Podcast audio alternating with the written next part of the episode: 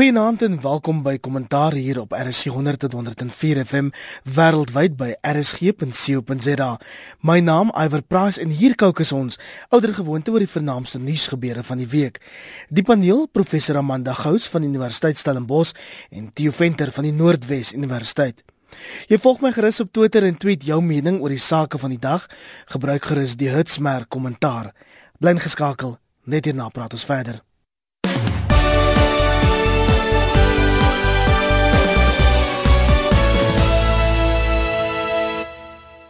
Kollegas buitelandse spioene, 'n moordkomplot en 'n duistere wapentransaksie.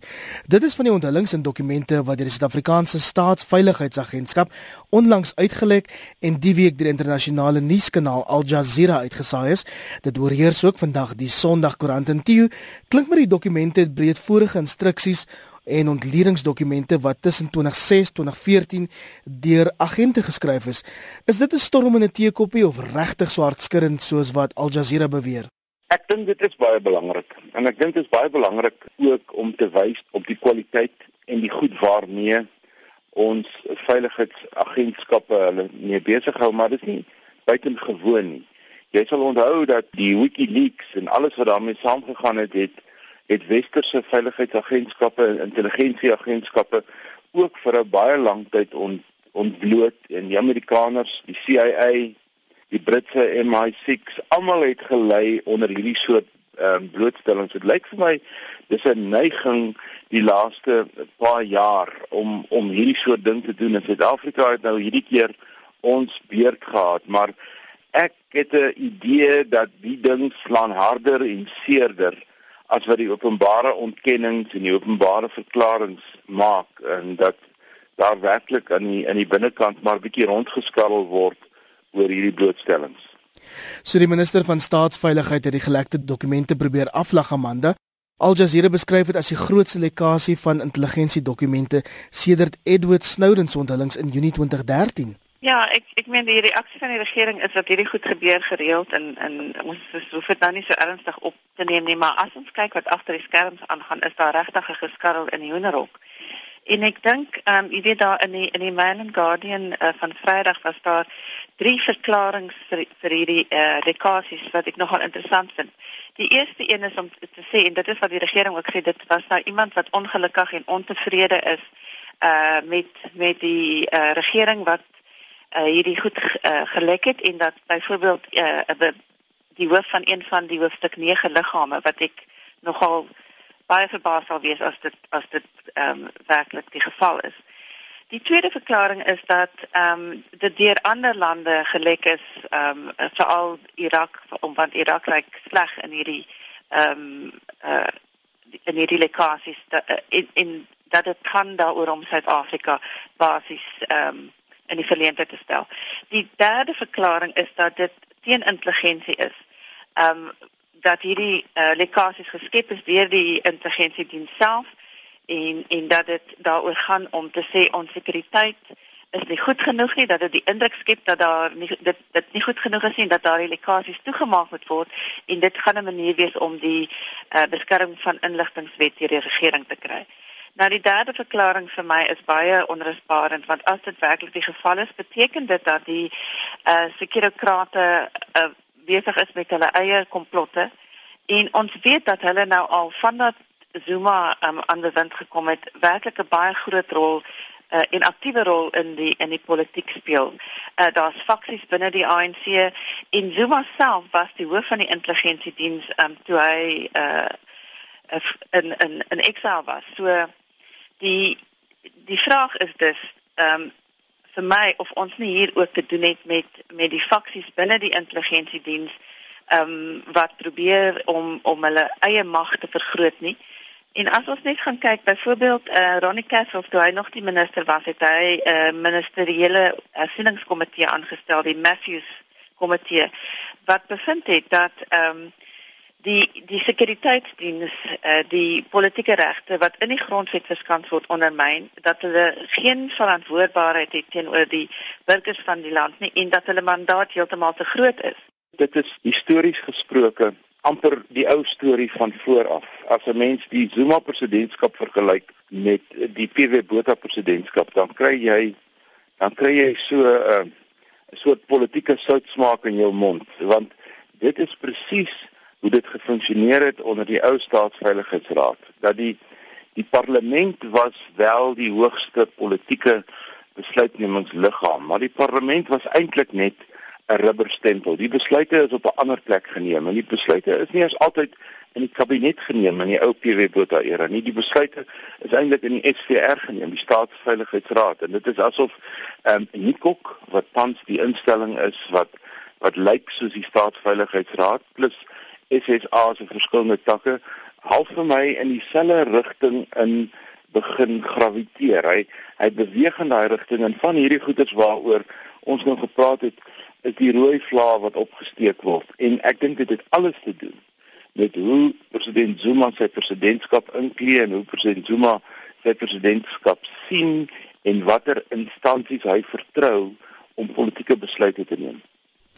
Amanda, soveel dinge wat die week aan die lig gekom het, maar die grootste seker Suid-Afrika se geheel met ons vriende die Russe, 'n geheime satelliet afluisterprogram blykbaar wat vir militêre doeleindes gebruik sou word. Ja, en dit is blykbaar die eerste satelliet wat nou basies fokus op die kontinent van Afrika. Ek dink ons moet kyk na ehm um, die verhouding van president Zuma met met Rusland. Ek meen hy was onlangs daar ehm um, en ons het ook hierdie uh, uh, ooreenkoms rondom kernkrag aangegaan wat baie verrykende gevolge het. Ehm um, byvoorbeeld as ons uh, as die Russe nou vir ons die kernkragstasies gaan verskaf, kan daar vir 20 jaar nie met ander verskaffers uit ander lande gewerk word nie. Ehm um, en dit sal daar sal ook sekere ehm um, toestemming gevra moet word as ons ons eie tegnologie ontwikkel om dit te kan uitvoer.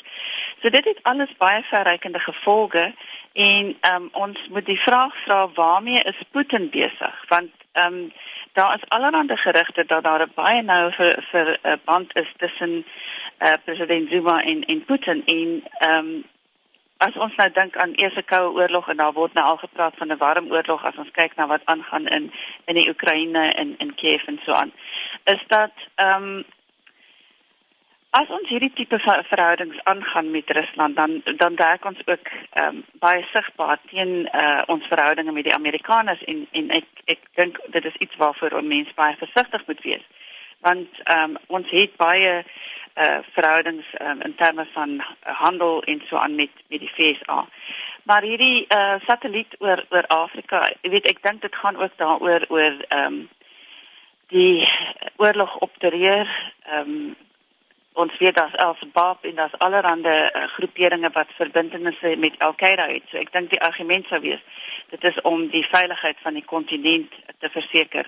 Uh, want want die lande self het nie baie van hierdie lande het nie, nie eenvoudig die die vermoë om dit self te doen nie. Theo is daar van die onthullings wat vir jou uitgestaan het. Nee, behalwe dat ehm um, die die intelligensie wêreld is 'n vreemde wêreld.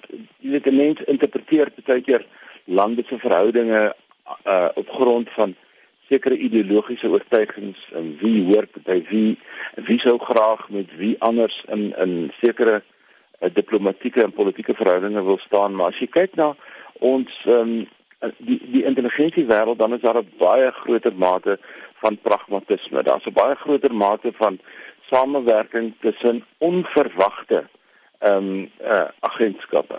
Dat ehm um, die Suid-Afrikaanse regering het 'n baie kille verhouding met die Israelies op die oomblik, maar dit lyk nie asof die intelligensie gemeenskappe ehm um, so 'n soort verhouding het nie. Dit is 'n baie warmer verhouding dit lyk asof um, die Suid-Afrikaanse intelligensiegemeenskap en die Amerikaanse intelligensiegemeenskap nog steeds redelik goed saamwerk ten spyte van wat op politieke vlak gesê word en dis meer en dit is dit is een van die kenmerke van hierdie onderwêreld dat jy dat jy nie presies kan kan aflei vanuit die die politiek diplomatisiese oor wat op die intelligensie vlak gebeur nie. Ons weet in die ou bedeling voor 94 dat um, die intelligensiegemeenskappe het met mekaar gepraat um, ver verwyder van wat die onderhandelingsproses was dat die ehm um, die Suid-Afrikaners het deur middel van die Russe en 'n klomp ander agentskappe met die ANC kontak gemaak en toe al met hulle in gesprek getree waar Zuma natuurlik by was. Amanda is reg. Hy het 'n baie baie lang verhouding met met hoe dit eintlik funksioneer in hierdie onderwêreld. So nee, bitter min van die goed het my regtig verras. As ons nou gaan kyk, wat daar word dan gesê dat dat ehm um, weet Johannesburg is nou die spionasie hoofstad van die wêreld. Ek dink dit gaan so in, in elke ander land. Ehm um, wat ons natuurlik eh uh, belangrik maak is die feit dat ons ehm um, 'n groot eh uh, speler is as anders as ander Afrika lande ehm um, en dat ons uh, bande het met verskillende ander uh, belangrike lande. So natuurlik gaan daar uh, gekyk word na die uh, na wat waarmee ons besig is en ook na ons ehm um, veiligheidssituasie. Uh so ek dink dat dis 'n bietjie van alles. Die feit dat dit gelek is kan net 'n alledaagse ding wees en dit is hoe dit gaan, maar ek dink daar is ook iets meer sinister agter en ek dink dit is waaroor ons ons moet bekommer. En ek dink wat wat belangrik is is hoe die regering dit nou gaan hanteer. Wat wat gaan as die geskarrel in die hoenderhok opgehou het, wat gaan hulle doen om die lekkasies te stop en as dit is om 'n eh, om die eh uh, beskerming van inligtingwet deur die regering eh uh, deur die parlement te laat gaan, dan het dit geweldige implikasies vir almal van ons wat ehm um, vryheid van spraak en vryheid van die media voorstaan. Ons beweeg nou na die minister van Finansies, Nshanshta Nene, sy heel eerste begrotingsrede vroeër die week. Hy het oor die naweek weer gemaan dat 'n moeilike 2 jaar vir ons voorlê. En Theo, hoe dink jy het sy eerste rede toe afgeloop? ek was verbaas. Hy het ehm um, hy het die hy het die begrotingsrede aangebied. Kom ons kyk net eers na die vorm daarvan. Baie in dieselfde styl as as Trevor Manuel en Pravin Gordhan. Met ander woorde, hy het gehou by hoe sy voorgangers dit gedoen het. Hy het dit minder ehm um, indrukwekkend gedoen as Trevor Manuel. Trevor Manuel se groot kenmerk was altyd dat hy probeer het om in sy aanbieding van die tale verskeidenheid so bietjie iets van te maak en dis meer en dis meer. Nee, het wel een of twee keer oorgeslaan na swart taal toe maar vir die res basies in Engels aangebied. So op daardie vlak dink ek is 'n voortsetting van hoe um, ons begrotingsredes gelyk het die laaste 10 jaar of wat. Die tweede ding wat ek graag wil sê is dat hierdie begroting staan eintlik skerp afgeets teen die staatsrede. Die staatsrede het eenmaal die woordjie nasionale ontwikkelingsplan ingehaat in 'n enkele sin en vir die res dink ek het Zuma probeer om op een of ander manier meer populisties of meer ehm um, uh, werklik ANC te klink deur die Vryheidsmanifest eintlik nou in te plant as sy as sy mashoof vir hoe hy die land vorentoe wil bestuur. Nene het gewoon gehou by sy by sy by sy reël en dat die implementering van die nasionale ontwikkelingsplan gaan gebeur en geskied.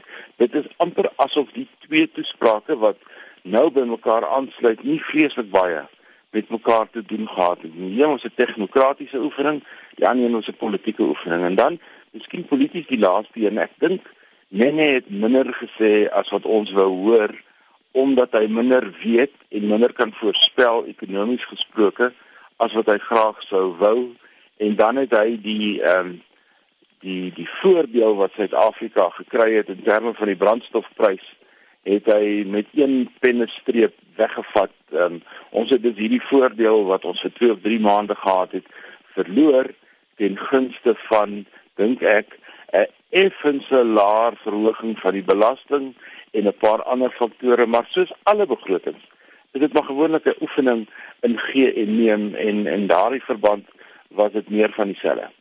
Daar is ook baie mense wat sê dat hy nie braaf genoeg was nie Amanda en dat hy byvoorbeeld 'n geleentheid en uh, nie gebruik het nie om byvoorbeeld BTW te verhoog. Ja, ek dink hy het 'n uh, hy het 'n uh, rodeel gehad want hy met eintlik 'n baie uh, 'n uh, begroting laat top het in baie moeilike omstandighede. En wat hy besluit het is dat dit is belangriker om uh die klein besighede uh en die koöperatiewe sektor wat basies verantwoordelik is vir uh, uh investering en so aan 'n kans te gee um om om die ekonomie te stimuleer eerder as om te kyk na die uh, situasie van die die individu wat die individuele belastingbetaler wat werklik 'n uh, baie swaar las uh van van belasting dra. So die die feit dat belasting, persoonlike belasting met 1% opgegaan het, maar net in die hoër kategorieë is 'n indikasie dat hy probeer om dit te balanseer sodat mense wat nou minder verdien ook ook nie meer belasting betaal nie. Ek dink wat wat die status in sy begroting is kommerwekkend. Ehm um, die feit dat hy niks gesê het oor die uh energiekrisis nie. Die feit dat ons hierdie ehm um, ooreenkoms met Rusland aangegaan het, wat beteken dit vir die fiskus? Ehm um, wat gaan die impak wees? Ehm um, hy het ook nie, nie die staat ehm um, oor die vingers getik nie, want die staat ehm um, is is 'n absolute vermosser van die belastingbetaler se geld. So die belastingbetaler moet nou opdok vir swak besluitneming in die staat, hulle moet opdok vir die feit dat daar korrupsie is um, en so aan. So ek dink die individuele belastingbetaler is is is bitter oor die feit dat ons nou moet meer betaal vir 'n staat wat nie sy eie 'n eh, beltstywer maak nie en uh, nee nee het niks gesê oor die feit dat die staatsdiens so groot is en en dat dit eintlik verklein kan word en dat daar 'n baie besparing kan wees as ons die staatsdiens verklein nie. Hy het ook niks gesê oor die ehm um, uh, e-tol nie. Ehm um, gaan ons dit hou gaan ons mense begin vervolg omdat hulle nie betaal nie, wat gaan gedoen word. So daar stiltes in die begroting. Maar ek dink hy het ehm um, dit is 'n konservatiewe begroting in die sin van hy het nie uh ernstige ehm um, goed aangekondig wat wat uh, verrykende implikasies het nie, maar behalwe soos wat Theo gesê het en ek stem saam met Theo die die heffing op die petrol is uh en op die ehm um, padongelukke fonds is beteken dat ons al daai voordeel wat ons gekry het vir 2 maande verloor en ek dink dit het tog bygedra 'n bietjie bygedra om die ekonomie te stimuleer en nou is ons terug waar ons eh, 'n paar maande gelede was. Een van die goed uh, op Amanda se lysie waar hy waar hy waar hy die stilsooie gehandhaaf het, is natuurlik een van die grootste inisiatiewe wat 'n paar jaar gelede aangekondig is, naamlik die nasionale gesondheidsversekeringsprogram. En uh, alhoewel dit toe dit aangekondig is destyds op 'n soort van 'n 10 tot 14 jaar program geplaas is. Sou mens verwag het dat hy nou al stadig maar seker begin aanduidings gee van hoe ons dit gaan finansier want dit is waarskynlik een van die grootste projekte benewens ons energiekrisis wat Suid-Afrika op 'n manier sal moet oplos en en die vraag wat jy in die orde gestel het oor BTW bly natuurlik 'n politieke dilemma. Ehm um, ons is ons is so omtrent 'n jaar, bietjie meer as 'n jaar weg van 'n plaaslike regeringsverkiesing wat vir die ANC baie belangrik gaan wees. So miskien was die was die politieke tyd, die klimaat nie nou reg om 'n 1% in die BTW want dit sou al ons probleme basies opgelos het aan te kondig nie. Dit sal ook nie volgende jaar gerade wees na die uh, of net voor die verkiesing nie. So miskien moet mense nou maar wag dat 2017 aanbreek. Dis dan 2 jaar weg van die volgende verkiesing af en miskien lank genoeg vir Suid-Afrikaners om daaraan gewoon te raak, maar ons het nou wat my aanbetref al die opsies uitgeoefen om inkomste vir die staat te genereer en wat oorbly is BTW. Ek dink as daar nie aan werkskeping ander gegee word nie, want al die die maatskappe wat getref word is aan die fiskale kant beteken dit dat ons gaan nie uh, enige vordering maak om werkloosheid te bekamp nie. So, jy weet, ons moet beleide ontwikkel vir industrialisasie en so aan. Ehm um, want dit is still uitwys ons het nou al die opsies um, uitgeput. Ek dink daar's twee ander goed wat belangrik is, is die feit dat die verskaffing van skoolhandboeke gesentraliseer is en ook dat ehm um, die tenderstelsel gesentraliseer is. Ja, ja. Ek dink dit sal bydra om die korrupsie en die problematiek daar rondom te bekamp. Ek dink dit was dit is twee goeie besluite geweest. Kollegas ons beweeg nou na die derde imbizo oor grondhervorming wat volgens berigte bloot die vertrouensbreuk tussen die regering en boere verdiep het. Dit volg nadat Gweri Mantashe, die sekretaris-generaal van die ANC, 'n waarskuwing aan boere gerig het aan diegene wat nie met die ANC wil saamwerk nie. Tio, wat het jy van die toespraak gemaak? Weet jy, dis 'n baie kom gekompliseerde situasie hierdie ehm um, iwer as 'n mens as 'n mens nou net teruggaan na die staatsrede toe waar die waar die president um, twee of drie aankondigings gemaak het onder meer die die die grondplafonne en die grootte van plase en en so 'n bietjie meer ehm um, die die die sluier gelig het oor die regering se verbintenis aan grondhervorming en dies meer. En jy spring twee weke verder na die begrotingsrede toe en jy kom agter dat die toewysing aan grondhervorming vir die volgende finansiële jaar is laer as die vorige jaar. Dan sê dit vir jou die politieke uitsprake en die werklikheid die kom nie by mekaar uit nie. En nou spring ons na die gesprek met georganiseerde landbou toe. 2014 was daar een of twee gebeure waar daar groot vordering gemaak is tussen georganiseerde landbou en die regering oor beleid, veral waar minister Nkwinti by was. Tot so mate dat Nkwinti by die jaarvergadering van Agri SA afgewyk het van sy voorgeskrewe toespraak en eintlik die klomp kommersiële boere wat daar bymekaar was wat oor die hele land uh, vergader het, geluk gewens het met hulle positiewe en konstruktiewe bydrae tot die soeke na oplossings vir hierdie knellende probleem. Want grondhervorming en en en en landbou en en ontwikkelende landbou is goed wat ons nie kan ignoreer nie. Ons moet proaktief daarmee werk. En en dan kom dit as 'n skok vir die georganiseerde landbou dat die president die uitlating maak in sy staatsrede en dan die vergadering wat Rolf Meyer ehm um, gefasiliteer het in die afgelope week. Nou dit wat ons in die koerante gesien het en dit wat op die vergadering gebeur het, lyk vir my is ook nie heeltemal 'n 'n ware refleksie van wat in die vergadering plaasgevind het. Dit het by Gips, die die besigheidskool van die Universiteit van Pretoria plaasgevind en daar het intense gesprekke plaasgevind. Ehm um, wat die deelnemers waarmee ek 'n hele paar van weer gesels vir die laaste paar dae. Die deelnemers oor die algemeen is met baie groter bemoediging daar weg as met 'n swaarmoedigheid. Bemoediging in die sin dat uh in die in die geslote gesprek het ehm um, Jerry Montage onder andere ehm um, erken dat die ding dat 'n plaasboer net twee titels mag hê of 'n maksimum grootte is uit die duim gesuig. Hulle sal weer daarna moet kyk. Hulle sal moet kyk na die grootte van grond in verskillende dele van die land want ehm um, die die soort van ehm um, syfers maak nie voorsiening vir die diversiteit van landbou in die land nie. Julle sal self dink 'n 12000 hektaar wynplaas is soos 'n land op sy eie terwyl 'n 12000 rand of 'n 12000 hektaar skaapplaas in die in die Boesmanland kan jy behoorlik een skaap op hê. So dit dit werk nie. So ek dink hierdie gesprek het sleg begin, maar deur die loop van die jaar soos wat die werklikheid inskop, gaan ons weer 'n soort ehm um, vordering sien. My eie interpretasie is dat die president in sy staatsrede ehm uh, die EFF probeer tegemoetkom of ten minste probeer wys dat die ANC ehm um, nie sy radikale of vryheidsmanifest wortels vergeet het nie en dat grondhervorming nog steeds een van sy belangrikste hoekstene bly. Ongelukkig dink ek moes die moes die landbou die prys betaal vir daai demonstrasie. Dit bly dalk een van die belangrikste hoekstene Amanda, maar is 'n ding wat jaar na jaar net voortsleep sonder dat daar werklik rigting kom. Ja, en ek dink almal is baie bewus van die hele kwessie van voedselsekuriteit. Dit as jy met jou georganiseerde landbou begin sukkel, dan dan het jy probleme um, om voedselsekuriteit te verseker. Maar jy's reg, dit elke jaar en en dit is ook ook nooit in die begroting nie. Jy weet daar so as ons grondhervorming wil doen en ons wil die staat wil plase uitkoop en so en dan moet daarvoor begroot word. Ehm um, ek dink dis natuurlik 'n geweldige politieke situasie.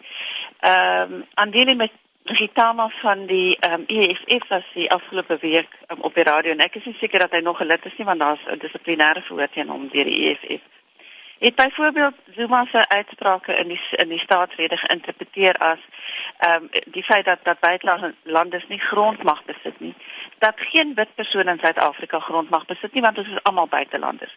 Nou dit is 'n totaal belaglike interpretasie maar dit sê vir ons dat hierdie ehm um, situasie die hele tyd 'n speelbal is wat verskillende partye vir hulle eie voordeel gebruik. En dit maak mense wat wat eh uh, boere ehm um, geweldig bekommerd en en ongelukkig. So hoe meer spanning daar aan beide kante is, hoe moeiliker raak dit om 'n oplossing te vind. En so steel gesê, ehm um, agter die skerms gebeur daar goed en in die media word ander goed gesê en ons is een heeltemal seker presies wat aangaan nie. Ehm um, maar maar die feit is dat as ons 20 jaar na die transisie nog nie 'n oplossing gevind het nie, dan word dit elke jaar al hoe dringender om 'n oplossing te te vind en weet mense as ons gaan kyk na die uitslae van vorige grondhervormingseise. Mense wil nie plase hê nie. Mense wil grond hê om huise op te bou of baie van hulle vat die geld. Ehm um, so wat is die ware ehm um, behoefte aan grond? Dit is ook nie duidelik nie. Uh, ek ek dink baie van hierdie grondeise word ook gefabriseer deur die staat om 'n uh, politieke uh basis om hulle, vir hulle eie politieke gewin. Kyk wat Amanda nou aan die orde gestel het is verskriklik belangrik. Die die die sentrale punt hier is voedselsekuriteit. Eh die land die vermoë om sy mense te voed. Nou hier waar ek in die Noordwes bly in die Vrystaat en so meer ervaar ons op die oomblik 'n uh, uh, intense droogte wat beteken dat ons in alle waarskynlikheid hierdie jaar mielies sal moet invoer net om te net om 'n praktiese voorbeeld te maak van wat voedselsekuriteit is. Dit is as jy nie aan jou eie behoeftes kan voldoen in terme van landbou nie wat 'n baie belangrike punt is vir 'n land. Maar landbou landbou is 'n baie gekompliseerde ehm um, situasie. Ek het nou die dag na Mohammed Karan geluister daarvan Stellenbosch en Mohammed het gesê dat hy sy bes probeer het om op sekere plekke die die tendense in landbou aan die politici te verduidelik, maar hy sou half en half 'n moedeloosheid oor hom ervaar. En die tendense is eenvoudig. Groter plase is meer produktief, die die, die teorie van ekonomie van skaal. Met ander woorde, 'n kleiner groepie boere produseer 'n baie groter gedeelte van dit wat in sy in die land geplaas word. Dis 'n dis 'n tendens, 'n globale tendens. 'n Tweede ding wat besig is om te gebeur, is dat 80% van die grond wat deur grondeise aan hulle oorspronklike eisers teruggegee word, word verhuurde grond terug aan kommersiële boere. Amanda se punt. Met ander woorde, wil hulle grond hê om op te boer, ja of nee? Dit lyk op hierdie stadium nie so nie en ons ontwikkel dus in hierdie onsekerheid wat ons op die oomblik het, ontwikkel daar dus 'n totale nuwe mark en dit is 'n geweldige groot verhuuringsmark. En dit beteken nou weer dat waar die Suid-Afrikaanse landbou in die ou dae die grond gebruik het om waarde te ontsluit. Met ander woorde, jy jy gaan met jou kaarttransportbank toe en jy leen 'n klomp geld en jy en jy boer en dan op die manier werk jou grond vir jou ten einde te kan boer. Ontstaan daar 'n nuwe bedryf. En dit is korporatiewe boere begin grond hier en hulle begin baie groter produksie eenhede ontwikkel op grond wat nie noodwendig aan hulle behoort nie. So dit is 'n hier's 'n totale verskywing wat plaasvind as gevolg van die onsekerheid en dit is die regering se verantwoordelikheid om beleidssekerheid te bring. Ek dink dis wat landbou die meeste tref is die beleidsonsekerheid. Terug na die buiteland en 1,2 miljoen kiesers is gister verwag by Lesotho se verkiesing wat teen gister laatmiddag deur Cyril Ramaphosa reeds as 'n sukses beskryf is.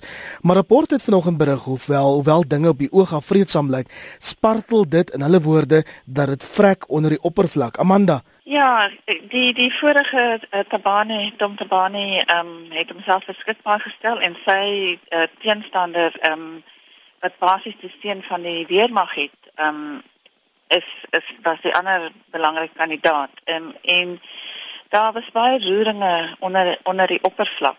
Ehm um, en ek het gister het iemand op die radio gevra, "Hoekom is daar soveel belangstelling in die ehm um, verkiesing in Lesotho, maar die argument is dat ons kry uh, die grootste hoeveelheid van ons water van die Lesotho Hoogland projek af. So dit is vir ons 'n baie strategiese staat en ons weet nou dat die afgelope tyd ehm um, vanaf hulle uh, begin het met die onderhandelinge dat dat goed baie moeilik was. Ehm um, en solank as wat daar politieke onstabiliteit in Lesotho is, uh, is dit 'n uh, probleem vir Suid-Afrika. So um, ek weet die uitslag is ek, ek het nog nie die uitslag gesien ek weet nie of dit al uit is nie um, maar dit was 'n baie soort van ja is is 'n spannende situasie in Lesotho geweest. Ja, dit lyk of daar weer 'n koalisie regering gaan wees. 24 partye maak sien die huidige eerste minister Tom Tabani het toe wel aangedui dat as hy sou verloor hy dit gaan aanvaar, toe. Ja, ek stem met Amanda saam. Lesotho is vir Suid-Afrika so half 'n kroonjuweel, 'n bergkoninkryk. Uh, ek het nou die dag syfers gesien Amanda om dit nou prakties te maak. dat 20 miljoen van Suid-Afrika se 54 miljoen inwoners is afhanklik van water wat uit die uit die uit Lesotho uitkom of dit nou deur die Vaal rivierstelsel is en of dit deur die Oranje rivierstelsel is. En ehm uh, dit is in ons belang dat daar stabiliteit in Lesotho is. Ons is die grootste werksverskaffer vir Lesotho en ehm um, Lesotho se potensiaal om energie op te wek wat ons ook in die toekoms gaan nodig hê en baie vinniger sal kan kry as die Russiese kernkragstasies wat wat vir my so half ironies omtrent 10 tot 15 jaar gaan vat om op te rig wanneer by daai stadium beide Putin en Zuma nie meer op die op die toneel is nie. Dit is net so belangrik. So ons het 'n ons het 'n werklike belang daarbey dat daar stabiliteit in die situasie moet kom, maar ek is bevrees dit gaan maar 'n brose politieke uitkoms bly en ons sal maar 'n uh, 'n uh, 'n uh, groot hand van bewaring en betrokkenheid moet bly behou in die situasie. Nee, wel ek dink ons moet wag en kyk kyk na die uitslae. Ek meen as dit 'n koalisieregering is, dan is daar weer 'n mate van onstabiliteit. Uh so dit jy weet in Tom Tabani ehm um, as hy daai koalisie moet lei, ek meen hy is 'n basiese beleerde figuur, dan dan is dit natuurlik weer eens um, onseker hoe hy dit gaan doen.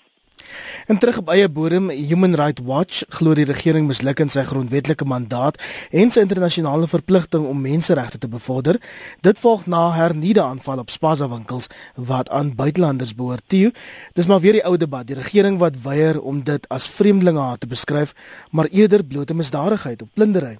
Ja, ek verstaan nie eintlik wat is die dilemma nie. Ons ons weet mos en die mense wat daar is soveel insidente wat ek nou al persoonlik um, gesien en beleef het wat dit uit en uit ehm um, vreemdelinge haat was. Daar om 'n praktiese voorbeeld te noem, daar was onlangs 'n 'n diens 'n dienste boikot, dit was tradisionele tipiese daaglikse ding en dan wanneer die dienste boikot op dreef kom, dan is die eerste ding wat die mense doen, is hulle val die eerste Pakistani of Ethiopiese of Keniaanse of wie ook al 'n winkeltjie beset of 'n winkeltjie probeer bedryf, die val hulle aan, beroof hom en gaan te keer. Hulle doen dit nie met hulle eie handelaars nie. So hierdie ding is duidelik gemik op buitelanders. En ek dink hoe vinniger ons die ding by die naam kan noem. Jy weet dit is soos 'n siekte. As 'n siekte 'n naam het, kan jy iets aan hom doen. Maar solank as wat jy in ontkenning lewe, kan jy nie. Nou dink ek dit is 'n verleentheid vir die regering. Ehm um, nie alleen ten opsigte van Ethiopiërs en en die smeer nie, maar dit sluit ook Zimbabweërs in en 'n klomp ander uh, mense wat wat onder die skelnaam, kwetsnaam eintlik Makwere Kwere deurgang en dit het eenvoudig in in in in die Suid-Afrikaanse konteks beteken dit dat die mense nie hulle taal verstaan nie en dit klink vir hulle dis uh, foneties iets soos Makwere Kwere, dis is hulle naam. En dit is 'n wesenlike probleem in elke gemeenskap in Suid-Afrika en nog meer so in die plattelandse gemeenskappe. En en die onverantwoordelike uitsprake van ons minister byvoorbeeld uh, Lindile Zulu oor oor hulle moet hulle besigheidsgeheim moet hulle moet ons deel. Hoe kry hulle dit reg hoe kry hulle dit reg? Wel is eenvoudig. Dit is 'n ou beginsel wat deur baie gemeenskappe toegepas word en dit is kollektiewe aankoop en dan 'n verdeling na kleiner eenhede toe. Die kollektiewe aankoop beteken jy het 'n voordeel wanneer jy prys maak en wanneer jy aankoop en daai voordeel word dan deurgestuur na die na die koper toe en ek dink niks verhoed Suid-Afrikaners om dieselfde model te volg nie, maar nee, ek sou wil hê die regering moet met uh, die saak by die naam noem dan kan ons dit oplos. Dis nogal vreemd want ons is in Suid-Afrika gou om voorvalle tussen wit en swart aan die groot klok te hang, maar dis asof daar geen politieke wilskrag is om dieselfde met xenofobie te doen, Amanda. Ek meen dit is 'n gebrek aan wilskrag wat al baie lank aangaan want die die die regering het nie werklike beleid oor ehm um, buitelanders uh, wat van die res van Afrika kom nie. Die die beleid is hulle moet integreer. Ehm um, hulle kan dan van ons dienste gebruik maak. Hulle kry byvoorbeeld ehm um, van die sosiale eh uh, die grants en so aan. Maar die punt is, ehm um, in ander lande is daar 'n beleid en 'n beleid wat daartoe lei dat mense ook beskerm word. So hierdie hierdie mense integreer in die armste van die armste gemeen, uh, gemeenskappe en omdat hulle sekere vaardighede het, doen hulle dan beter as die plaaslike mense. So dit word gesien ook as 'n um, oorlog rondom bronne. Ehm um, en solank as vir die regering dis sê dit is al wat ons beleid sê. Ons beleid sê mense moet integreer. Gaan hierdie probleem nie ophou nie. En die feit dat ons in 2 um, in 2008 um, die grootskaalse geweld gehad het. Basies is niemand aangekla en en ehm um, gearresteer en vervolg uh, oor die geweld nie. En so so wat die boodskap is, as jy vreemdelinge aanval, kan jy wegkom daarmee. En ek dink dit is deel van die probleem. Daar word nie voorbeelde gemaak van mense wat hierdie geweld pleeg nie. Ehm um, en solank as wat wat dit die geval is, wat, wat die polisie werk saam. Die polisie is net so aandadig aan hierdie geweld. Ek sê nie alle polisie nie, maar sommige van die polisie. En so so die vlug die die ehm um, buitelanders het ook nie 'n vrymoedigheid om na die polisie te gaan nie want hulle weet hulle kry 'n dowe oor.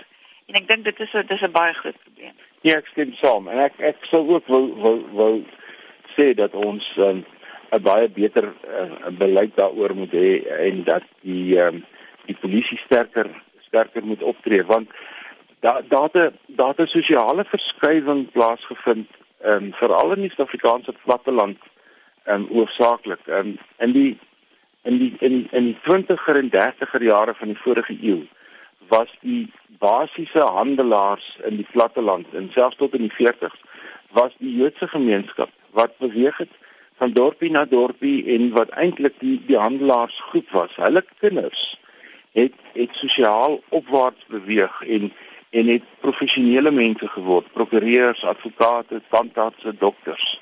En so het hulle uit die platteland onttrek. Ek kan onthou toe ek 'n student 40 jaar gelede was in in Potchefstroom.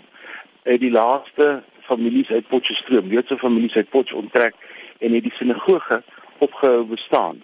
Hulle daai vakuum is opgeneem deur deur deur Indiese sakemanne tot 'n groot mate. Wie se kinders en se volgelinge presies dieselfde roete loop. Hulle gaan in die gemeenskap in, hulle word professionele mense, hulle gaan universiteit toe. Nou is daar 'n nuwe vakuum en dit is interessant, daai vakuum is net so opgevul deur buitelanders. En op een spesifiek in een spesifieke provinsie nog meer as ander en dis die Vrystaat. Julle sal onthou een van die apartheids ehm um, reëls was dat Asiate, Indiërs mag nie in die Vrystaat gewoon het nie. Hulle mag net vir 'n dag in die Vrystaat spandeer het. Daar was dus nooit hierdie soort van uh opwaarts mobiliserende krag van verskillende groepe nie en dit is net so opgeneem deur deur buitelanders. So hierdie buitelanders het 'n term wat my betref 'n permanente deel van ons ekonomiese samelewing geword en en 'n mens moet 'n reël daarvolgens maak. Kollegas, dis ongelukkig alwaar vir tyd het vanaand op kommentaar. Baie dankie aan die politieke ontleeders, professor Amanda Gous van Universiteit Stellenbosch. Nancy Amanda. Dankie, Iver. En ook Theo Venter van die Noordwes Universiteit. Dankie Theo. Goeienaand almal. Bly geskakel vir finansiële fokus net hierna.